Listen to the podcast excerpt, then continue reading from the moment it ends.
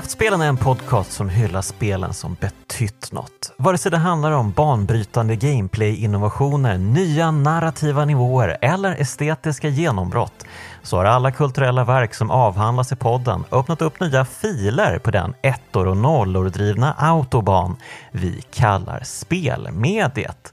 Jag heter Jonas Högberg och idag välkomnar jag Simon Campanello till podden. Hej Simon! Tack Jonas, hej! Hur är läget med dig? Det är bra. Jag har en, eh, jag har en bra dag eh, faktiskt. Hur är det med dig? Eh, jo, men det, det, är faktiskt alldeles strålande. Eh, det är ju toppen. Jag får ju prata med dig nu. Det är ju härligt ja, bara det. Bara en sån sak. Precis. Eh, och ni som lyssnar, många känner säkert till spelsajten Eurogamer, eh, men alla kanske inte minns att det fanns en svensk filial en gång i tiden. Um, Nej, det tror jag, tror jag nästan ingen minns faktiskt, om jag ska vara helt ärlig. Du var ju, du var väl nyhetsredaktör eller? Ja, jag hade lite olika diffusa roller. Jag, jag um, började skriva som frilansskribent där eh, och sen blev jag redaktör. Eh, ja, nyhetsredaktör var nog min, min titel. Den. Det var kanske inte den allra mest, eh, det var inte så mycket hierarki kanske. Men Ja, men berätta lite om den tiden. Eh, hur kom det sig att du hamnade där och hur började du skriva om spel?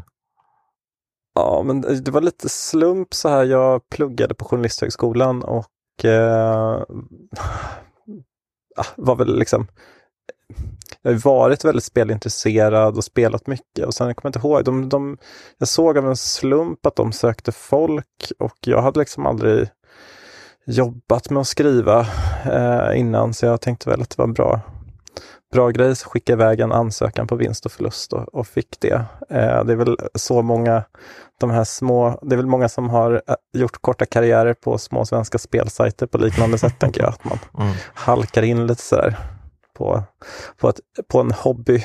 Men eh, det, det, var väldigt kul. Det, det, var ju ett supergäng som, eh, som drev det liksom. Eh, mm. Och eh, som jag haft ja, men, lite andra projekt med efteråt också och som stöter på ibland. Mm. Ja, men och sen så har du stuckit iväg och eh, jobbat för Sveriges Radio, IDG och eh, Ny Teknik framförallt kanske och sen några månader tillbaka jobbar du som vetenskapsreporter på DN. Ja, precis. Det är inte så mycket spel nu, men, men, ja. Eh, men där någonstans. Jag, kan, jag, jag har Eurogamer att tacka för allt, eh, får jag säga. Okej, okay, så det var, du la grunden Hård. där på Eurogamer och sen har det burit ja, iväg mot knack, stjärnhimlen knacka, helt enkelt? Exakt, man börjar med att knacka ut korta rewrites på pressmeddelanden och sen sitter man och gör vad jag nu gör nu, läser långa vetenskapliga artiklar istället. Okay. Jag, kan inte, jag kan inte exakt beskriva vägen från det ena till det andra, men, men eh, någonstans där Men eh, DN har väl börjat med spelrecensioner igen? Borde inte du eh, liksom hoppa in där? Ja, man kan tycka det. Jag spelar så himla lite spel efter den. Jag, jag tror faktiskt, jag, jag är nog en av de här som eh, brände ut mig på att spela spel ah. under åren jag recenserar spel. Mm. Eh, det, det blev lite, alltså, och det tror jag många som upplevt som har, har testat spel, att det när man ska spela under tidspress så är det inte så kul. Ja, eh, nej, det, det stämmer. och sen eh, har det tillkommit småbarn och sådär, så att nu min, min eh, veckans speltid skulle inte, det skulle ta mig här, en månad att recensera ett nytt storspel tror jag. Jag förstår. Så, ja. jag, jag håller mig långt borta. Men vilken tur att vi ska prata om eh, fornstora dagar istället då, och fornstora spelupplevelser. Um, Eller hur? Så när jag faktiskt hade tid, ork, lust, energi att spela. Ja, och eh, du har ju valt att prata om Fallout 2. Varför mm. Fallout 2 och inte Fallout 1? Ja, det, är, eh, det, är, det är, jag höll på att säga att det är en bra fråga, men det är det ju inte. För att det finns väl ingen som vill prata om Fallout 1. Va? Det är lite bortglömt spel. Det, Fallout 2 var ju liksom... Eh, alltså rent personligt så var det ju ett... Eh, jag, jag kommer inte ihåg hur gammal jag var, kanske typ eh, 11-12 när jag fick tag på det. Eh, och det var ju verkligen så här eh, en stor grej. Det var så första spelet som jag spelade där det verkligen var, fick så här, handlingar fick konsekvenser. Eh, Ja, och Mm. hur man spelade påverkade eh, spelet i ganska stor utsträckning. Mm. Just det. Och eh, när kom det? 99 va, tror jag. Ehm, Ja, det låter bekant. Eh, Ja, och eh, då, alltså om man ska spåra Fallouts DNA så började det väl egentligen med Wasteland som släpptes redan på 80-talet. Ehm, och eh, Fallout var ju liksom en spirituell uppföljare till eh, Wasteland. Ja, verkligen. Det är ju samma, det är samma känsla, det är den här Mad Max eh, estetiken liksom med, Mm. med ett postapokalyptiskt landskap befolkad av massa galningar som röjer runt. Ja, och det här var ju på den tiden då det inte hade gått i träda att, eh, med postapokalyptiska spel. Ehm, Nej, det känns som att eh, de, de, det fick, det kanske, det, alltså nu vet inte jag, jag har, det här baserar bara på magkänslan, men det kändes snarare som att Fallout var med och liksom drog igång den mm. eh, vurmen snarare än att, att liksom rida på någon våg så.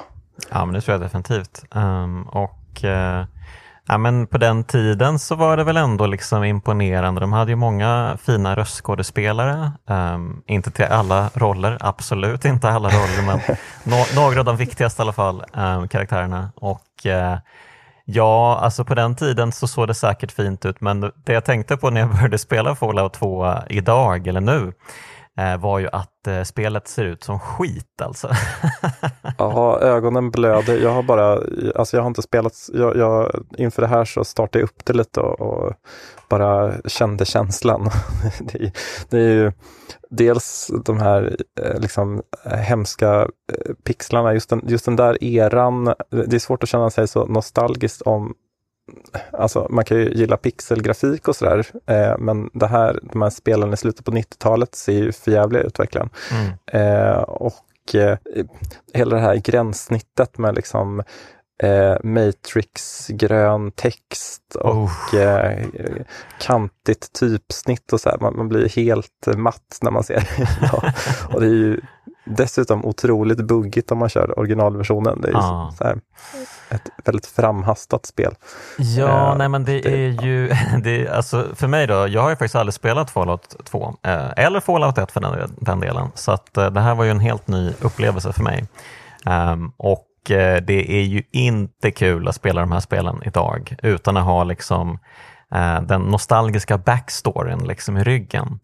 Ehm, Nej, För- det är det som är lite problemet. Alltså striderna är Man- ju wow, superwonky och träiga och långsamma och eh, ja, helt horribla nästan. Ja, ja det, det är fruktansvärt. Jag, här, jag minns det ändå med värme, liksom, Mm. att, man, att man satt där och eh, försökte eh, navigera de här. Men, men redan då var det väldigt frustrerande för att det är så här, eh, ja men det spelet, man, man styr ju liksom sin, eh, sin protagonist eller vad man nu ska, om, om det nu är det man ska kalla sig själv. Men eh, sen har man ju ett gäng följeslagare som kan hänga med som styrs eh, som, som datorn kontrollerar som är helt, helt, helt hopplösa.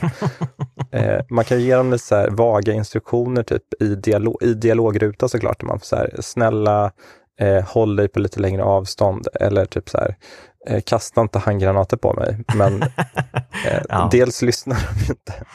Dels är det så här helt, ja, de, de, är, det är en väldigt mycket i det här spelet liksom ger frustration och inte så här Dark Souls frustration utan Mm. bara sån eh, eh, slänga saker i väggen frustration bara för att det är så jävla dåligt gjort. Ja, verkligen. Jag trodde ju att eh, det här med att, liksom att eh, karaktärer som ställer sig i dörrar och vägrar flytta sig, att det liksom var en grej eh, som kom i Betestas version, Fallout 3 och vidare. Liksom. Men jösses, det är ju likadant här och man, man blir ju helt galen på dem alltså. Ja, men det ligger i spelseriens DNA på något sätt. Eh, Mm. Att, att, vara, att vara i vägen för en. man, ja. Det är också lite så spännande att det, liksom, det har ju aldrig, även fast det är, det är ju oerhört kultförklarat spel och så här, mm. tagg, ligger ju ofta på sådana här topp 100-listor över spel, men det har aldrig fått, om man jämför med Baldur's Gate-serien, de tidiga spelen har ju fått remakes som gör att de är så spelbara idag. Mm.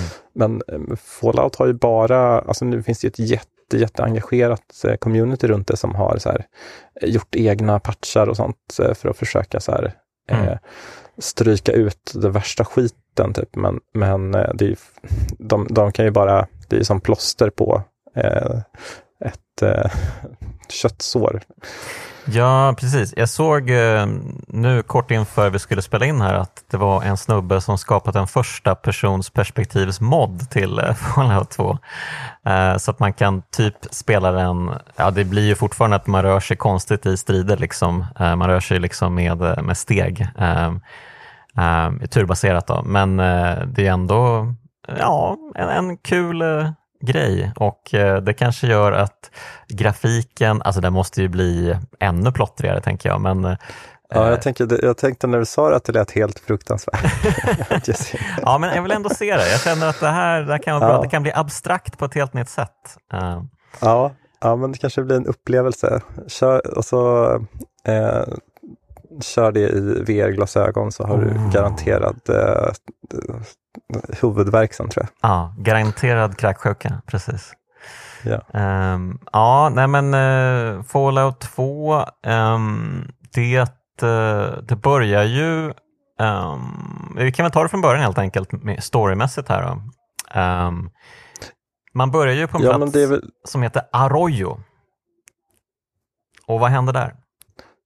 Ja men precis, alltså det är ju egentligen är det väl en direkt uppföljare till ettan. Liksom. Man, man spelar väl som barn eller barnbarn till den hjälten. Så eh, det, är en, det är en liten eh, en liten eh, väldigt primitiv by i utkanten av allt som inte har så mycket kontakt med omvärlden, men där, där det finns så en eh, eh, någon slags mytbildning om att man har kommit från en annan plats. Eh, för det här är ju, de, de som känner till Fallout-serien vet ju att det liksom, premissen är att det har skett kärnvapenkrig på jorden. Mm.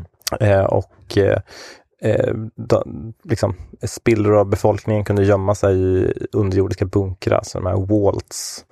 Eh, och de, man, man är, kommer ju själv från och så här, den här stammen då som de är, eller kommer ju från en sån här Walt som har några hundra år efter kriget kommit ut och eh, försökt anpassa sig till the wasteland. Just det. Eh, eh, precis, det postapokalyptiska och väldigt radioaktiva eh, ödelandet. Exakt. Um, och här precis. har ju allt möjligt hänt. Eh, det finns supermutanter, det finns eh, gigantiska skorpioner, Um, och ja, men allsköns sjuk skit väntar ju här uh, helt enkelt. Ja, det är det, de flerhövdade kossor och uh, mm. de här Death Claws, någon slags muterade supervarelser uh, som man ska passa sig för. ja. Det är det, det, är liksom, det, är en, det är en väldigt kul, det är väldigt mycket världsbygg, alltså jag tror det är väl det som har gjort att det ändå så har varma minnen trots allt. Eh, nu, nu säger vi bara elaka saker, men, men det finns mm. ju ett ganska häftigt världsbygge liksom. Jo, så, men som ligger bakom. Jag vill ju verkligen trycka på att det är väldigt välskrivet det här spelet. Det, än idag tycker jag att det känns eh, väldigt eh, snyggt skrivet och eh, väldigt eh, roligt stundtals. Um, och det finns ju roliga uppdrag och sidouppdrag, sidouppdragen framför allt kanske. För... Ja, ja, men det finns mycket, många, många väldigt kreativa och så här underfundigt skrivna grejer som är väldigt roliga att hänga med i bara. Mm. Ja, men och massa så här populärkulturella referenser. Och, ja, men det är ju ett spel som eh, skapats av nördar för nördar verkligen. Um, ja, och, det, det eh, kan verkligen säga. Mm. Den har väl haft väldigt speciell, liksom själva, om jag, om jag minns det rätt, så, så här, liksom utvecklingshistoriken är ganska speciell också för att de, de fick ju extremt lite tid på sig att bygga det här spelet. De, de gjorde väl liksom huvudarbetet på under ett år. Eh, mm.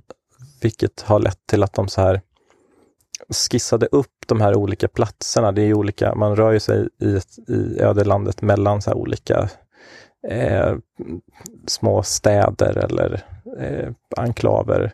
Mm. Eh, så, så de har så skissats upp väldigt grovt och sen har massa eh, personer på eh, spelstudion bara så här pepprat in innehåll eh, efter eget tycke lite grann. Det verkar inte ha... Gå i, alltså, och det, det är väldigt blandad kvalitet på grund av det, men det, också uppstår, det finns väldigt många så här roliga, superabsurda grejer som, som pepprats in bara eftersom de har behövt så här, allt innehåll som... Eh, det, kän, det känns som att så här, ingenting har strukits i, i, i, det stadiet. Allting som man har kommit på har kommit in i spelet. Mm. Ja, nej verkligen. Eh, och som du sa, det utvecklades ju rekordsnabbt och eh, det ändå så finns det liksom fler platser att besöka i Fallout 2 än det gör i ettan. Eh, så det är ju lite häpnadsväckande. Men samtidigt så finns det ju mindre röstskådespelare ehm, och liksom karaktärer som de porträtterar. Um, och mm. uh, ja, det är lite tråkigt för att uh, spelet lyfter ju verkligen när det kommer en karaktär som har en röst. för röstskådespelarna ja, är ja, och grymma. De är ju väldigt, väldigt, väldigt bra röstskådespelare. De, är de, de är ju ganska utbyggda, de här få karaktärerna som faktiskt har liksom, fått röstskådespelare och, lite animerade sekvenser. man har ju, det finns ju en, en annan vilde, eller vad han porträtteras till, som heter Solik, som man får med sig i början, som är eh, av, no av outgrundliga skäl pratar med lite så här typ karibisk brytning. Eh, mm. Och eh, eh, hänger med en och, och eh, liksom har, mm. ja, är, är och... precis som en själv liksom upp, uppväxt i någon så här, utanför civilisationen. Så man får så här, hans takes på alla såna här eh, konstiga maskiner eller, eller laservapen eller sånt där. Precis, och eh, jag gillar ju den här supermutanten Marcus väldigt mycket. Um, han är ju supercharmig och uh, alltså extremt intelligent, kanske smartast av alla, uh, framstår han lite som. Um, och, ja, väldigt sympatisk karaktär. Ja, och nu har jag som sagt inte spelat ettan, men jag tror att han är med i ettan också på ett hörn. Oklart. Han kommer i alla fall från den här supermutantkolonin som The Master hade. Det kretsade ju kring att supermutanterna väl skulle ta över världen, typ via The Master och att eh, det omintetgjordes i slutet där. Um, ja, precis. Det var så himla... Ettan har jag faktiskt bara spelat uh, Eh, har, har inte spelat om eller så. Mm. Det var väldigt, väldigt länge sedan. Eh, så jag kommer inte riktigt ihåg. Men ja, det är väl liksom grova drag storyn. Och det är några, i och med att de här, det finns, det är ganska lång, det är ganska många år mellan han, i handlingen i ettan och tvåan. Men mm. det, det finns de här olika muterade eh, personerna. Så det finns ju vissa som förekommer i båda spelen. Liksom. Ja, och även, nu är jag lite osäker, men kan det inte vara så att Marcus även är med i New Vegas, eller har jag drömt det?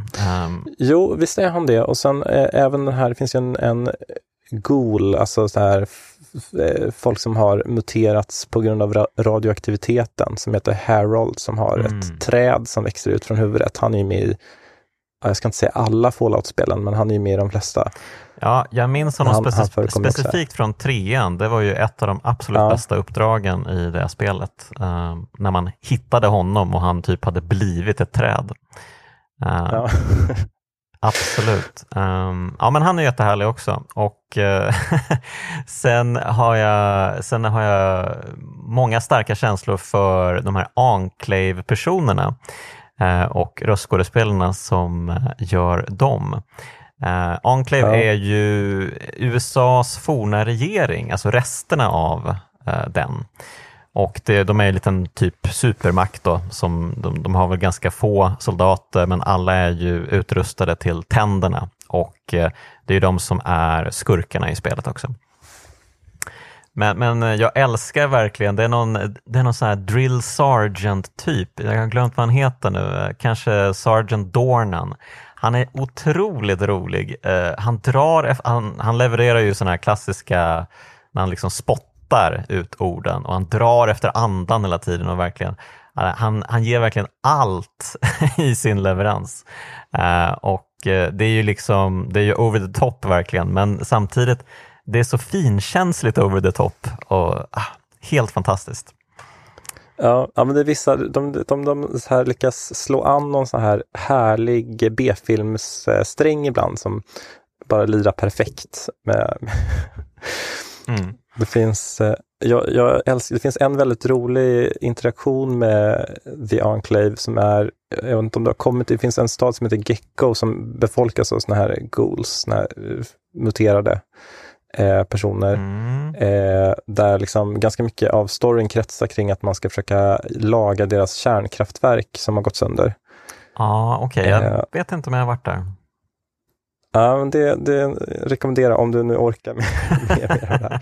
Men, men där, där, finns det liksom, då, då, kommer man in, eh, står man vid, reakt, vid en dator vid reaktorn och ska försöka laga den. Det finns så tusen olika kommandon och man ska försöka inte så att bara spränga allting. Liksom.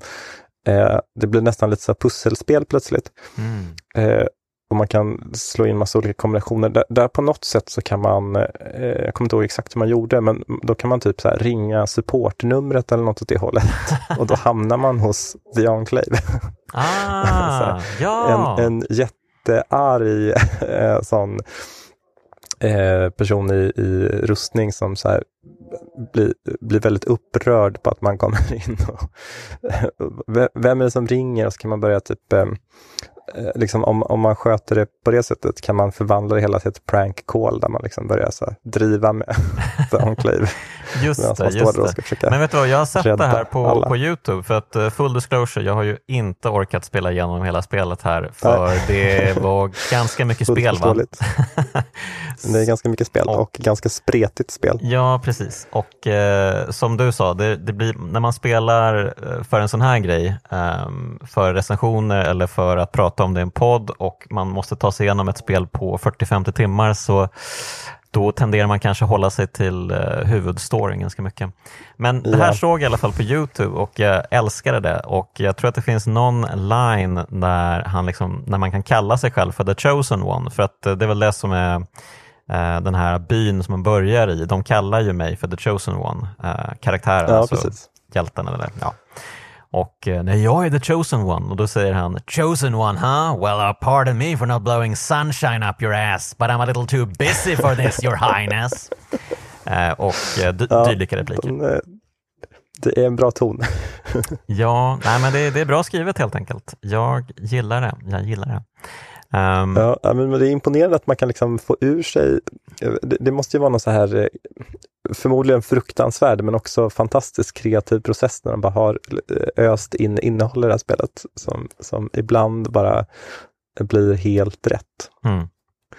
Verkligen. Ja, men, eh, jag tänkte vi kanske kunde komma in på lite roliga sidouppdrag och så, men jag, jag kanske, vi kanske kan riva av eh, huvudstoryn lite snabbt här, för den är ju inte superintressant mm. egentligen, men det kan väl vara värt att veta i alla fall vad som händer, tänker jag. Um, ja, den är egentligen kanske som, som, så, som, som det är ibland med sådana här open world-spel, så är kanske huvudstoryn egentligen inte det man fastnar vid. Nej, eh, och det, det, verkar väl vara samma tror jag med alla Fallout-spel, kanske även ettan som jag då inte spelat. Men det är ju verkligen så i Fallout 3 där huvudstoryn är riktigt, riktigt usel. Eh, den är ju bättre i Fallout New Vegas ska sägas. Eh, där, mm. där är den ganska Absolut. intressant för det är så många olika fraktioner som eh, man kan lera sig med och eh, det finns så många olika slut också som, som verkligen är intressanta. Um, men, men här så är det ju liksom, allt går ut på att man ska hitta en eh, geck, Garden of Eden Creation Kit, för att de har ju haft en, en extrem torka i Arroyo och eh, allt är på väg att barka rätt utför. Eh, om då inte The Chosen One lyckas hitta den här gecken. Eh, och om jag minns rätt nu så hittar man ju den i, på en plats, jo just det, i Volt 30 16. Det finns ju alla de här klassiska valven utspridda över världen såklart. Um, och uh, där finns det då intelligenta deathclaws. Ja. Minns du det här? Ja, de eh, som man, som man kan börja prata med också, liksom att mm. man, kan, man kan lite lera sig med dem va? Precis, de, eh, de vill ju att man ska springa in och eh, mixtra lite med någon dator där. För att de är ju de är typ lika smarta som människor, men de har ju då vissa eh, ja, de, de, har ju lite svårt med det här med tummar och, och fingrar och sånt. Um, så de klarar liksom Precis, inte av... De heter ju Death Claws för att de har väldigt stora klor. ja, jo, det är ju det som är nackdelen med att vara Death Claw då, och uh, intelligent, ja. att man bara liksom står och bankar på ett tangentbord. Um, så att eh, då får man springa in och mixtra med en dator och hjälpa dem att, eh, jag tror att de har något problem med sin eh, med sin mat av något slag, så de ska ge sig ut på något, någon rampage mot en människoby, så då måste man rädda den genom att fixa deras utrustning där. Men det är jättekul och jag tror att det är även där man kan spela schack mot en av dem och det är ju, det är ju intressant. Uh, ja. ja. Så det finns det mycket... Finns, det finns en, annan, finns en annan fantastisk schackscen där man kan spela schack mot en superintelligent eh, eh muterad skorpion. Ja, men det kanske var det jag tänkte på då. Ja, det kanske var det jag tänkte på. Eh, men det kan nog vara mycket, jag, jag, alltså som sagt, de kan ha återvan, återanvänt ett och annat knep. Så kan det vara, ja men precis. Och eh, ja, men man får ju en geck till slut och sen när man beger sig tillbaka hem så inser man att va? The Enclave kom och eh, snodde alla. Eh, för nu ska de bli liksom försökskaniner i deras eh, hemska experiment. Eh, för de har ju också en plan såklart. Och deras plan är ju att utrota alla som inte är människor. Alltså alla som har muterat ja. på olika sätt tack vare radioaktiviteten och ja, men alla de sköna typer man sett på helt enkelt i The Wasteland. Um, precis, de är verkligen, de är verkligen ett, ett ondskefullt gäng får man säga. Ja, precis. Spara inte på krutet. Ja, men minns du slutet? Man, man får ju prata med USAs president på slutet. Ja, precis. De, de har väl sin, man, man kommer ut, de har sin bas på en oljeplattform typ ute i havet. Mm, eh, där man får eh, komma ut och ska man, dels ska man väl rädda sina, sina kompisar från byn. Mm. Eh, och sen konfrontera presidenten och hans eh, högra hand som är någon sån här supersoldat. Ja, och det här, var, det här var egentligen det enda jag gillade med Main Quest. ska sägas. Ja. Uh, den här killen, Frank Horrigan. Um, han, ja, han är ju spelet... En, en uh, ikon. Ja, men uh, jag förstår varför. För han, hans röst är ju helt otrolig. Uh, det är ju liksom basröst. Alltså det är basrösternas basröst. Jag har nog aldrig hört någon som har en mer större basröst än den här killen. You've gotten a lot farther than you should have. But then you haven't met Frank Horrigan either. Your ride's over, Muty. Time to die. Um, och han är, han är ju, som jag har förstått det, han är ju typ en supermutant egentligen. Men han är trogen Enclave tills han dör. Liksom. Han, han går ja. över lik för att uh, ja, men se till att The Enclave ska, ska segra helt enkelt. Och Det finns ju någon scen ja, men hyfsat tidigt i spelet man kan liksom stöta på typ en random encounter när man är ute och rör sig på världskartan. Um, och då får man se eh, Frank Horrigan och hans vakter stå och meja ner några försvarslösa människor eh, utan att de har en chans egentligen. Så de bygger ju upp honom på ett ganska smart sätt tycker jag. Han är ju helt skoningslös mot alla. Jag tror att han även pratar ja. med någon intelligent uh, Deathclaw. Um, som han helt bara, ah, jaha, det var ju dumt att du kom och snackade med mig här och försökte liksom mäkla fred för nu ska jag bara döda dig typ. Uh, så att han är ju fruktansvärd uh, på alla plan. Um, ja. det, värsta, det värsta med honom är ju att han, det är ju samma röstskådespelare som gör den här väldigt sympatiska mutanten Marcus. Ja, är det samma? Är det, är det Michael ja. Dorn som spelar honom också? Heter han så? Eh, det, det, är det säkert, jag är så dålig på namn. Men, men eh, det är liksom, han, han, eh, det är fint att han gör både så den, den, den, den härligaste och den ondaste karaktären i spelet. Ja, men fantastiskt. Uh, Michael Dorn är ju känd som Worf i Star Trek Next Generation för alla geeks där ute. Um, så ja, men uh, jag älskar Frank Horrigan och uh, han är ju faktiskt en ganska kul slutboss för där, där, får man ju massa olika val egentligen hur man ska ta sig an honom. om man är ja, superlevlad kan man ju ta sig an Frank Horrigan, men annars blir det väldigt svårt för den här killen har ju han har ju sådana stats att man baxnar. Ja, det är väl så här, man, man, den här löjliga att han har så 999 HP. Ja, exakt.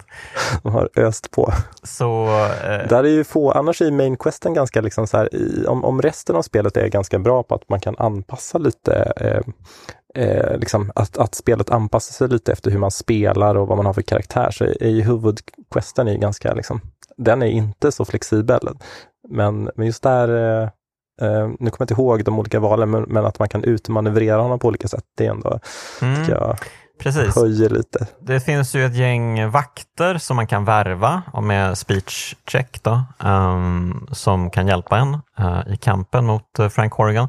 Och sen kan man även springa ner till någon dator så att man liksom kan overrida um, alla turrets där inne så att de börjar skjuta på Frank Horrigan istället. Um, så det är ju ganska kul att de redan på den tiden hade liksom, ja men den här uh, bossfighten som hade kunnat vara så uh, simpel blir ändå, det finns många liksom lager och man kan liksom ta sig an den på många olika sätt. Så det är ganska kul. Um, ja, jag tycker det är snyggt gjort. Och, sen, sen, finns det väldigt roligt, när, när, man väl lyckas döda honom så är det också sån här eh, härlig fallout-humor. Att typ, då kan man ta hans vapen såklart, så heter de typ så här End Boss Gun. Okej, okay, jag tänkte inte på Ja, um, det är också väldigt bra att han, uh, när han dör så kapas han ju på mitten. ja.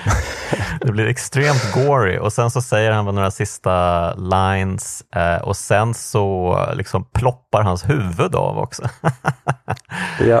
Mycket, de, mycket de, bra. De kör, de, de kör alltid, de kör på. Ja, och jag vet att många liksom i eh, Fallout 1, en av de saker jag känner till om Fallout 1 är ju att man kan övertyga The Master i spelets uh, slut där att uh, ja, men, uh, istället för att slåss mot The Master så kan man ju övertala honom om man har tillräckligt bra, um, om man har tillräckligt bra övertalningsförmåga, I guess, um, att lägga ner sina vapen och typ ta självmord. Um, mm. Men en sånt val får man ju inte här. Uh, antar för att The Enclave är evil to the core. Uh, ja. Precis, det här är inga...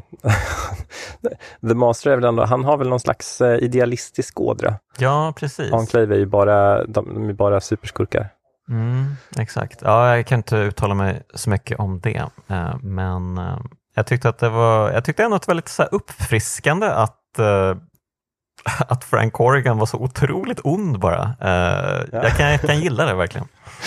Ja, det, är, man, det är svårt att, och, ja, men just de här, de karaktärerna som är skrivna bara som rena, rena eh, superskurkar, de, de, har, är, de har ju en charm liksom.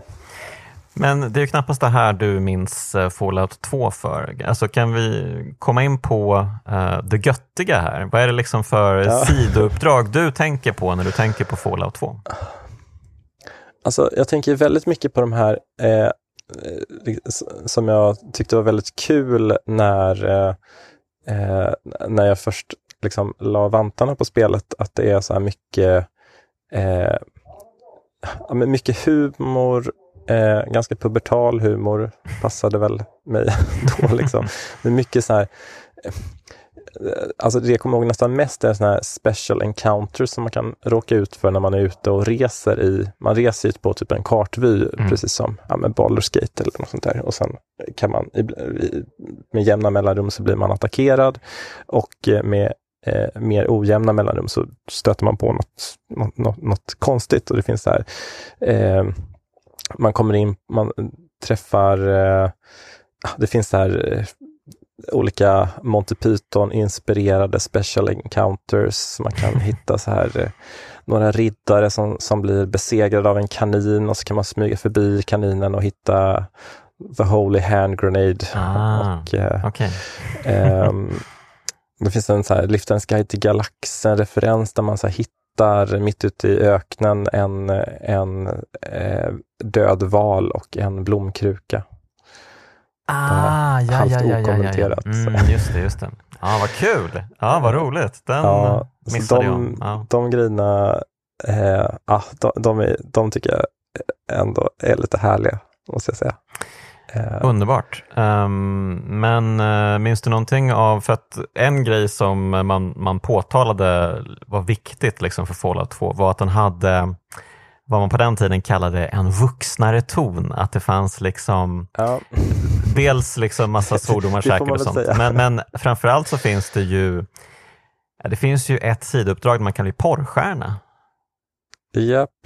Eh, vad minns du av det här? Eh, det, Ja, men det är väl, det finns ju någon stad som, New, Reno, New Reno heter det va? Jajamän, en så här jajamän. eh, lite Las Vegas-aktig stad. Mm. Eh, med, eh, alltså, det är ju en fantastisk miljö med så här, det är ett gäng olika konkurrerande maffiafamiljer som har varsin byggnad där och, och eh, man kan välja vilken sida man ska konspirera med för att manövrera ut de andra. Och det finns den här stora porrstudion där man kan eh, ge sig in i den branschen. Jag för mig att man får så här, om man, om man lyckas bli porrstjärna får man typ plus i karisma sen resten av spelet. Ja, det får man. eh, såklart. Självklart. Eh, ja, Och man, Det- man, och man alla tilltalar väl en också med ens porrnamn som man väljer. Ehm, ja, det låter bekant. man, man blir liksom en kändis i The Wasteland. Ehm, Ja, det, det är väl Det- lämpligt, antar jag. Mm. ja. Det är mycket så här prostitution och eh, narkotika. Eh, liksom. det, det är en väldigt stor grej att de är det finns nå- någon drog som heter jet, va? som Mm. alla är bero, jätteberoende av, som, som utvecklas. Så kan man träffa på han som har kommit på den, en sån här liten labbnörd som sitter i någon källare någonstans. Just det, och han har ju en röstskådespelare också. Ehm, Ja, precis. Jag tror till och med han kan bli companion, eh, att han liksom hänger med och bara, han är ju värdelös såklart, men, men Just det. en, en, hä- en gnällig eh, eh, liksom, så här, eh, nördarketyp som bara hänger med och är störig. Ja, precis. Eh, Han verkar ju vara liksom en värdelös människa på alla plan. Liksom att, eh, han Ja. har gjort den här drogen och använder den helt enkelt bara för att få eh, pengar och kvinnor typ och eh, verkar Ja. vara värsta typ, ja men eh, solvåraren typen. Så att han, det finns ju många olika slut på spelet, men jag vet att i ett av sluten så, så eh, slutar det med att han, den här killen, jag kommer inte ihåg vad han heter, vad heter han sa du? Ja, nej, jag kommer inte heller ihåg, det står helt still i min hjärna. Ja, men i alla fall, han, ja, Myron eh, heter han. Eh, Ja, precis. Och eh, jag menar det här Pervot, eh, det, det finns ju något slut som slutar med att han typ har en kniv i ryggen eh, och dör som den lus han är. Liksom. Så att Ja, det, det uppskattar man ju. Helt klart. när, när, till med, när till och med spelskaparna hatar sina egna karaktärer. Det är bra. Det är riktigt bra. Då har man lyckats. Bara, Ja. Fan, den här jäveln, ska vi inte sticka honom i ryggen här i slutet? Ja, det gör vi såklart. Ja. Underbart. Och Ehm, som alltid väldigt subtila gester. ja, ja, ja, ja. Ehm, Men eh, precis, eh, har du något mer intressant att bjuda på? Jag tänker på, eh, jo det var en grej som var kul som hände mig. Jag minns jag inte vilken stad det här var i, men jag hade arm, jag fick liksom någon förfrågan om att eh, köra armbrytning med en supermutant. Ehm, och eh, jag förlorade och då blev jag hans GIMP för natten. ja, Och eh, när jag vaknade upp på morgonen så hade jag en eh, gagball i mitt eh, inventory. ja. Så det, det kändes ju trevligt. Eh, Det är ju få spel man får uppleva det i ändå. ja, ska ha. precis. Eh, som tur är kanske. Men eh, jag vet inte, det, det känns, eh, det är så härligt att det här spelet verkligen är så, man känner sig så jävla smutsig på så många olika sätt i det här spelet. Dels för att man är rent fysiskt extremt smutsig, för det är liksom the wasteland och det, allting är radioaktivt och det är liksom bara skit överallt.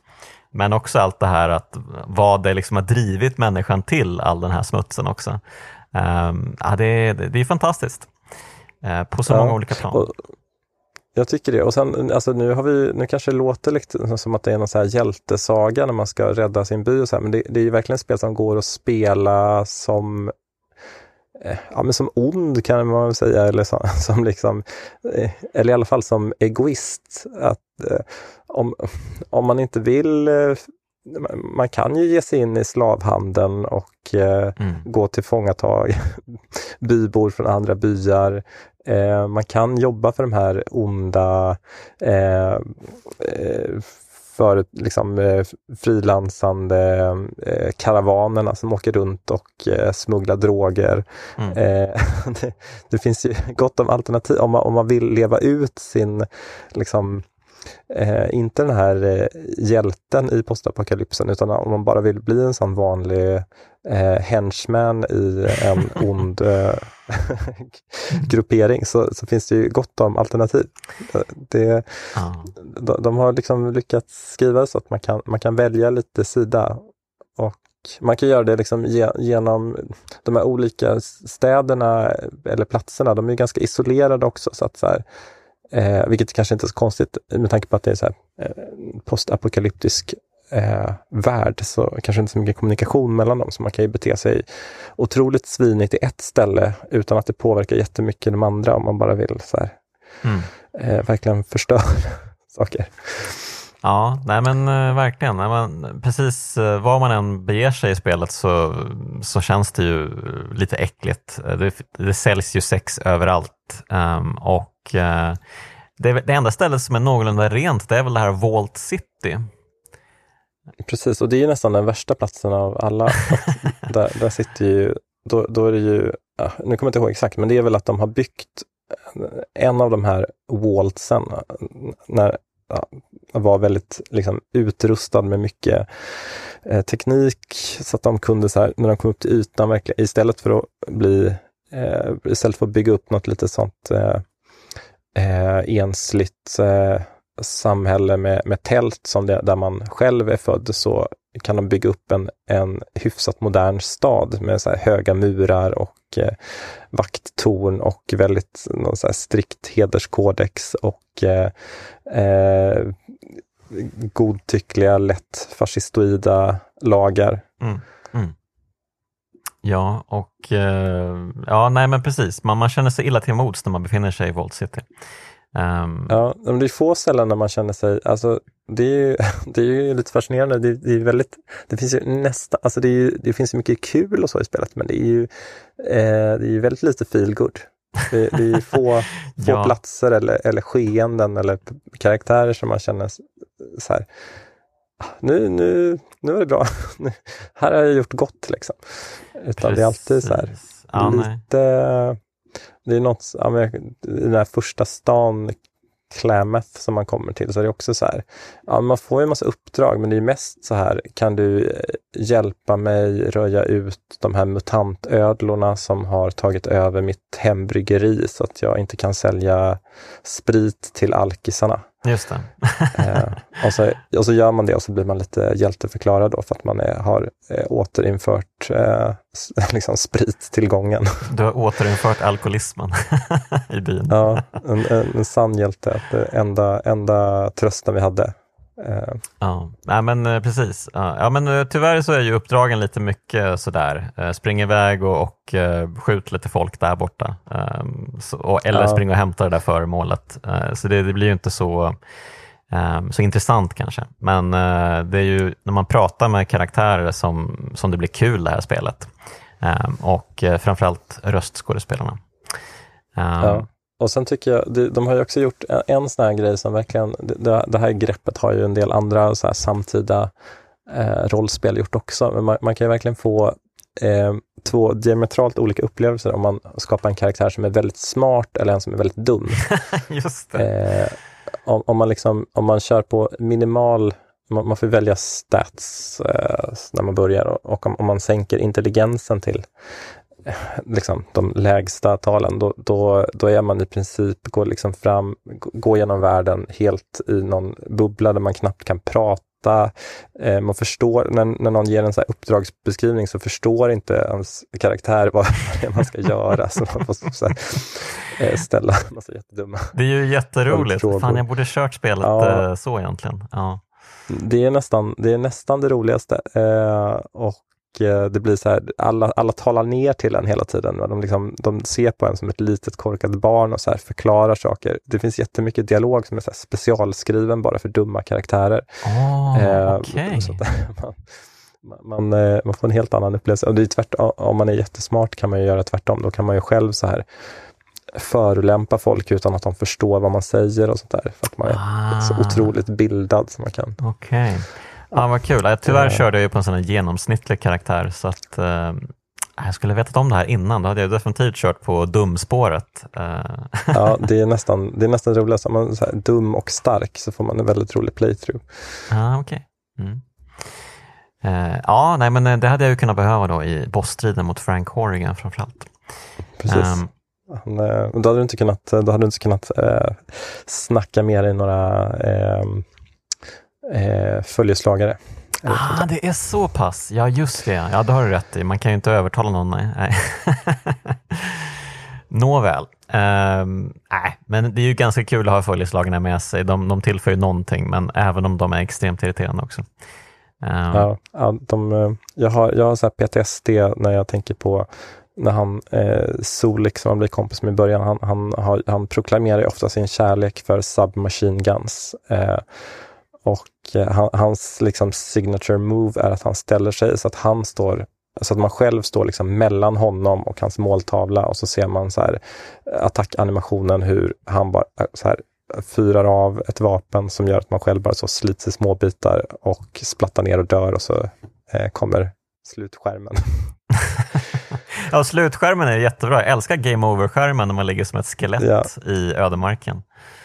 Um, ja, den är ju nästan, den, den är, har ju nästan den här eh, Dark Souls eh, eh You Died eh, Verkligen. Liksom. Ja, men det är ju lite samma skoningslösa upplevelse, det får man ju säga.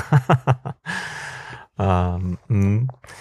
Ja, nej men eh, som sagt, det finns ju massvis att göra och man, kan, man kommer ju även till San Francisco um, i spelet um, och uh, där finns det ju bland annat, uh, jag tror i alla fall att de håller på med kung fu. Uh, jag tror att det var det som var the gist of it. Att de var någon sorts ja, arvtagare precis. till liksom, de kineser som bodde i San Francisco. Ja, det är, inte, det är inte alltid det är vissa saker som kanske inte håller så bra ja, i modern kontext. Och även scientologer tror jag dyker upp i San Francisco. Ja, precis. De har och de här Brotherhood of Steel som är ganska eh, liksom framträdande i senare Fallout-spel hänger väl där också. Mm, mm. Just det. Ja men precis, och det händer väldigt mycket där mot slutet. Um, men, eh, ja, men jag tyckte kanske att de inledande städerna var lite halvtråkiga faktiskt. Det, det, jag tyckte det tog en stund innan jag kom in i spelet. Och, eh, ja, de är väldigt, det är väldigt grått och brunt i början. Allting är så ja, deppigt. Ja, gud ja. gud, ja. Nej, men, oh, ja, det är frågan alltså. Skulle man rekommendera eh, Fallout 2 att, att, till folk att spela? jag skulle nog säga nej. ja, men jag är inne på samma. Jag, jag önskar själv, eller jag tror aldrig jag kommer spela om det själv heller. För att jag, ja, men dels som vi pratade om, att det är så otillgängligt. Liksom. Det är så väldigt, väldigt daterat, allt liksom spelmekaniskt i det. Mm. Eh, och sen, ja men just, det är så här mycket av det, det är ju verkligen en, en, även om det är roligt ibland så är det så här, det är en rest från en annan tid. Det, mm. det är inte allt som, det är inte allt som riktigt står sig och det är en del äh, ganska, så här, det är mycket, många stereotyper som man inte hade kört på idag, känner jag. Ja, jag förstår precis vad du menar. Um, och uh, ja, det, det, känns ju lite dumt att säga det för att uh, alla liksom eh, äkta heads säger ju att Fallout 1 och 2 är överlägsna Fallout 3 och New Vegas, men jag skulle nog säga att eh, det är tvärtom. Men det kanske... Ja, i alla fall om man ska alltså, ur, ur modern, alltså så här, de spelen håller ju mycket bättre. Mm. Eh, nu har jag inte spelat om dem på länge heller, liksom. Mm. men, men eh, de är ju de har sina irrit irritationsmoment också, men de är så här ändå moderna spel på ett helt annat sätt.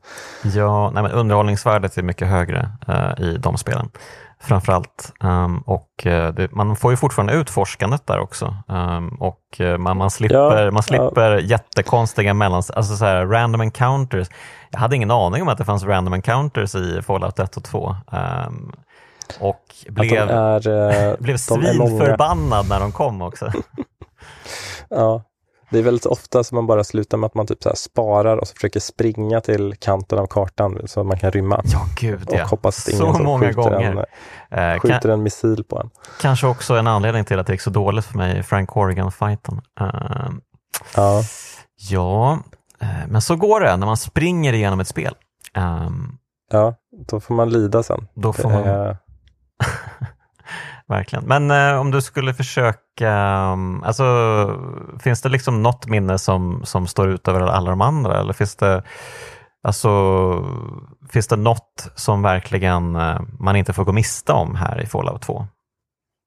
Men jag tycker man kan nästan, alltså, det här blir lite fusk och det här kanske vi skulle ha tagit, det här, nu, nu börjar vi, nu slutar vi i början så här, men jag tycker att något som så fortfarande ger mig lite rysningar, eh, och det här har ju alla Fallout-spelen gjort bra, det är ju den här liksom introfilmen Mm. eh, med eh, Ron Perlman som kör den här War, War Never Changes. Mm. Med de här eh, svartvita stämningsbilder om hur allt gick åt helvete. Den, det, det är liksom eh, det, det sätter ju en väldigt, väldigt bra stämning eh, för spelet. Och sen kan man ju lätt bli lite besviken för att man känner, jag känner så här, liksom i, mitt, i, i, i mitt minne bara så är det så här, så är det som att springa runt i, eh, så är det någon så här härlig Mad Max-tillvaro där man bara springer runt och lever rövare i eh, eh, eh en postapokalyptisk värld. Men det, det är ju liksom, när man väl, om man startar upp spelet idag så är det inte alls som man känner. Eh, det har, eh, det är lite sorgligt, men, men man, kan, man kan kolla på den här introfilmen på Youtube och bara känna att så här, så här häftigt kändes det när man startade upp spelet första gången. Och eh, med den känslan så kunde man gå in och eh, bara eh, acceptera allt fruktansvärt som man utsätts för under de kommande hundra timmarna. Ja, precis. Eh, Men se introt och eh, jag skulle rekommendera folk att se de här liksom röstskådespelarkonversationerna ehm, med de karaktärerna som finns. Ehm, De är ju faktiskt väldigt roliga. Ehm, Så att eh, kika gärna på de här Enclave-konversationerna. De tyckte jag var jättekul. Ehm, Och Ja, de är, de är faktiskt toppen. Väldigt välgjorda.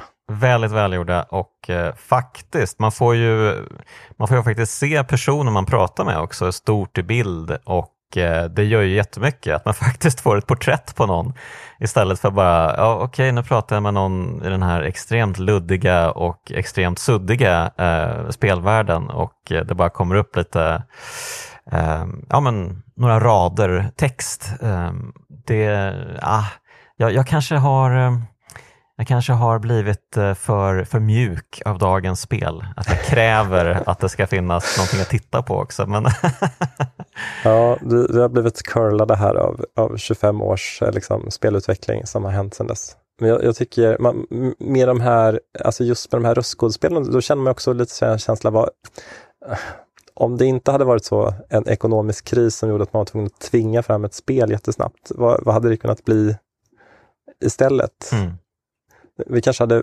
gått miste om lite så här quirky eh, små grejer vid sidan om, men det kanske också hade blivit en upplevelse som höll mycket bättre i längden.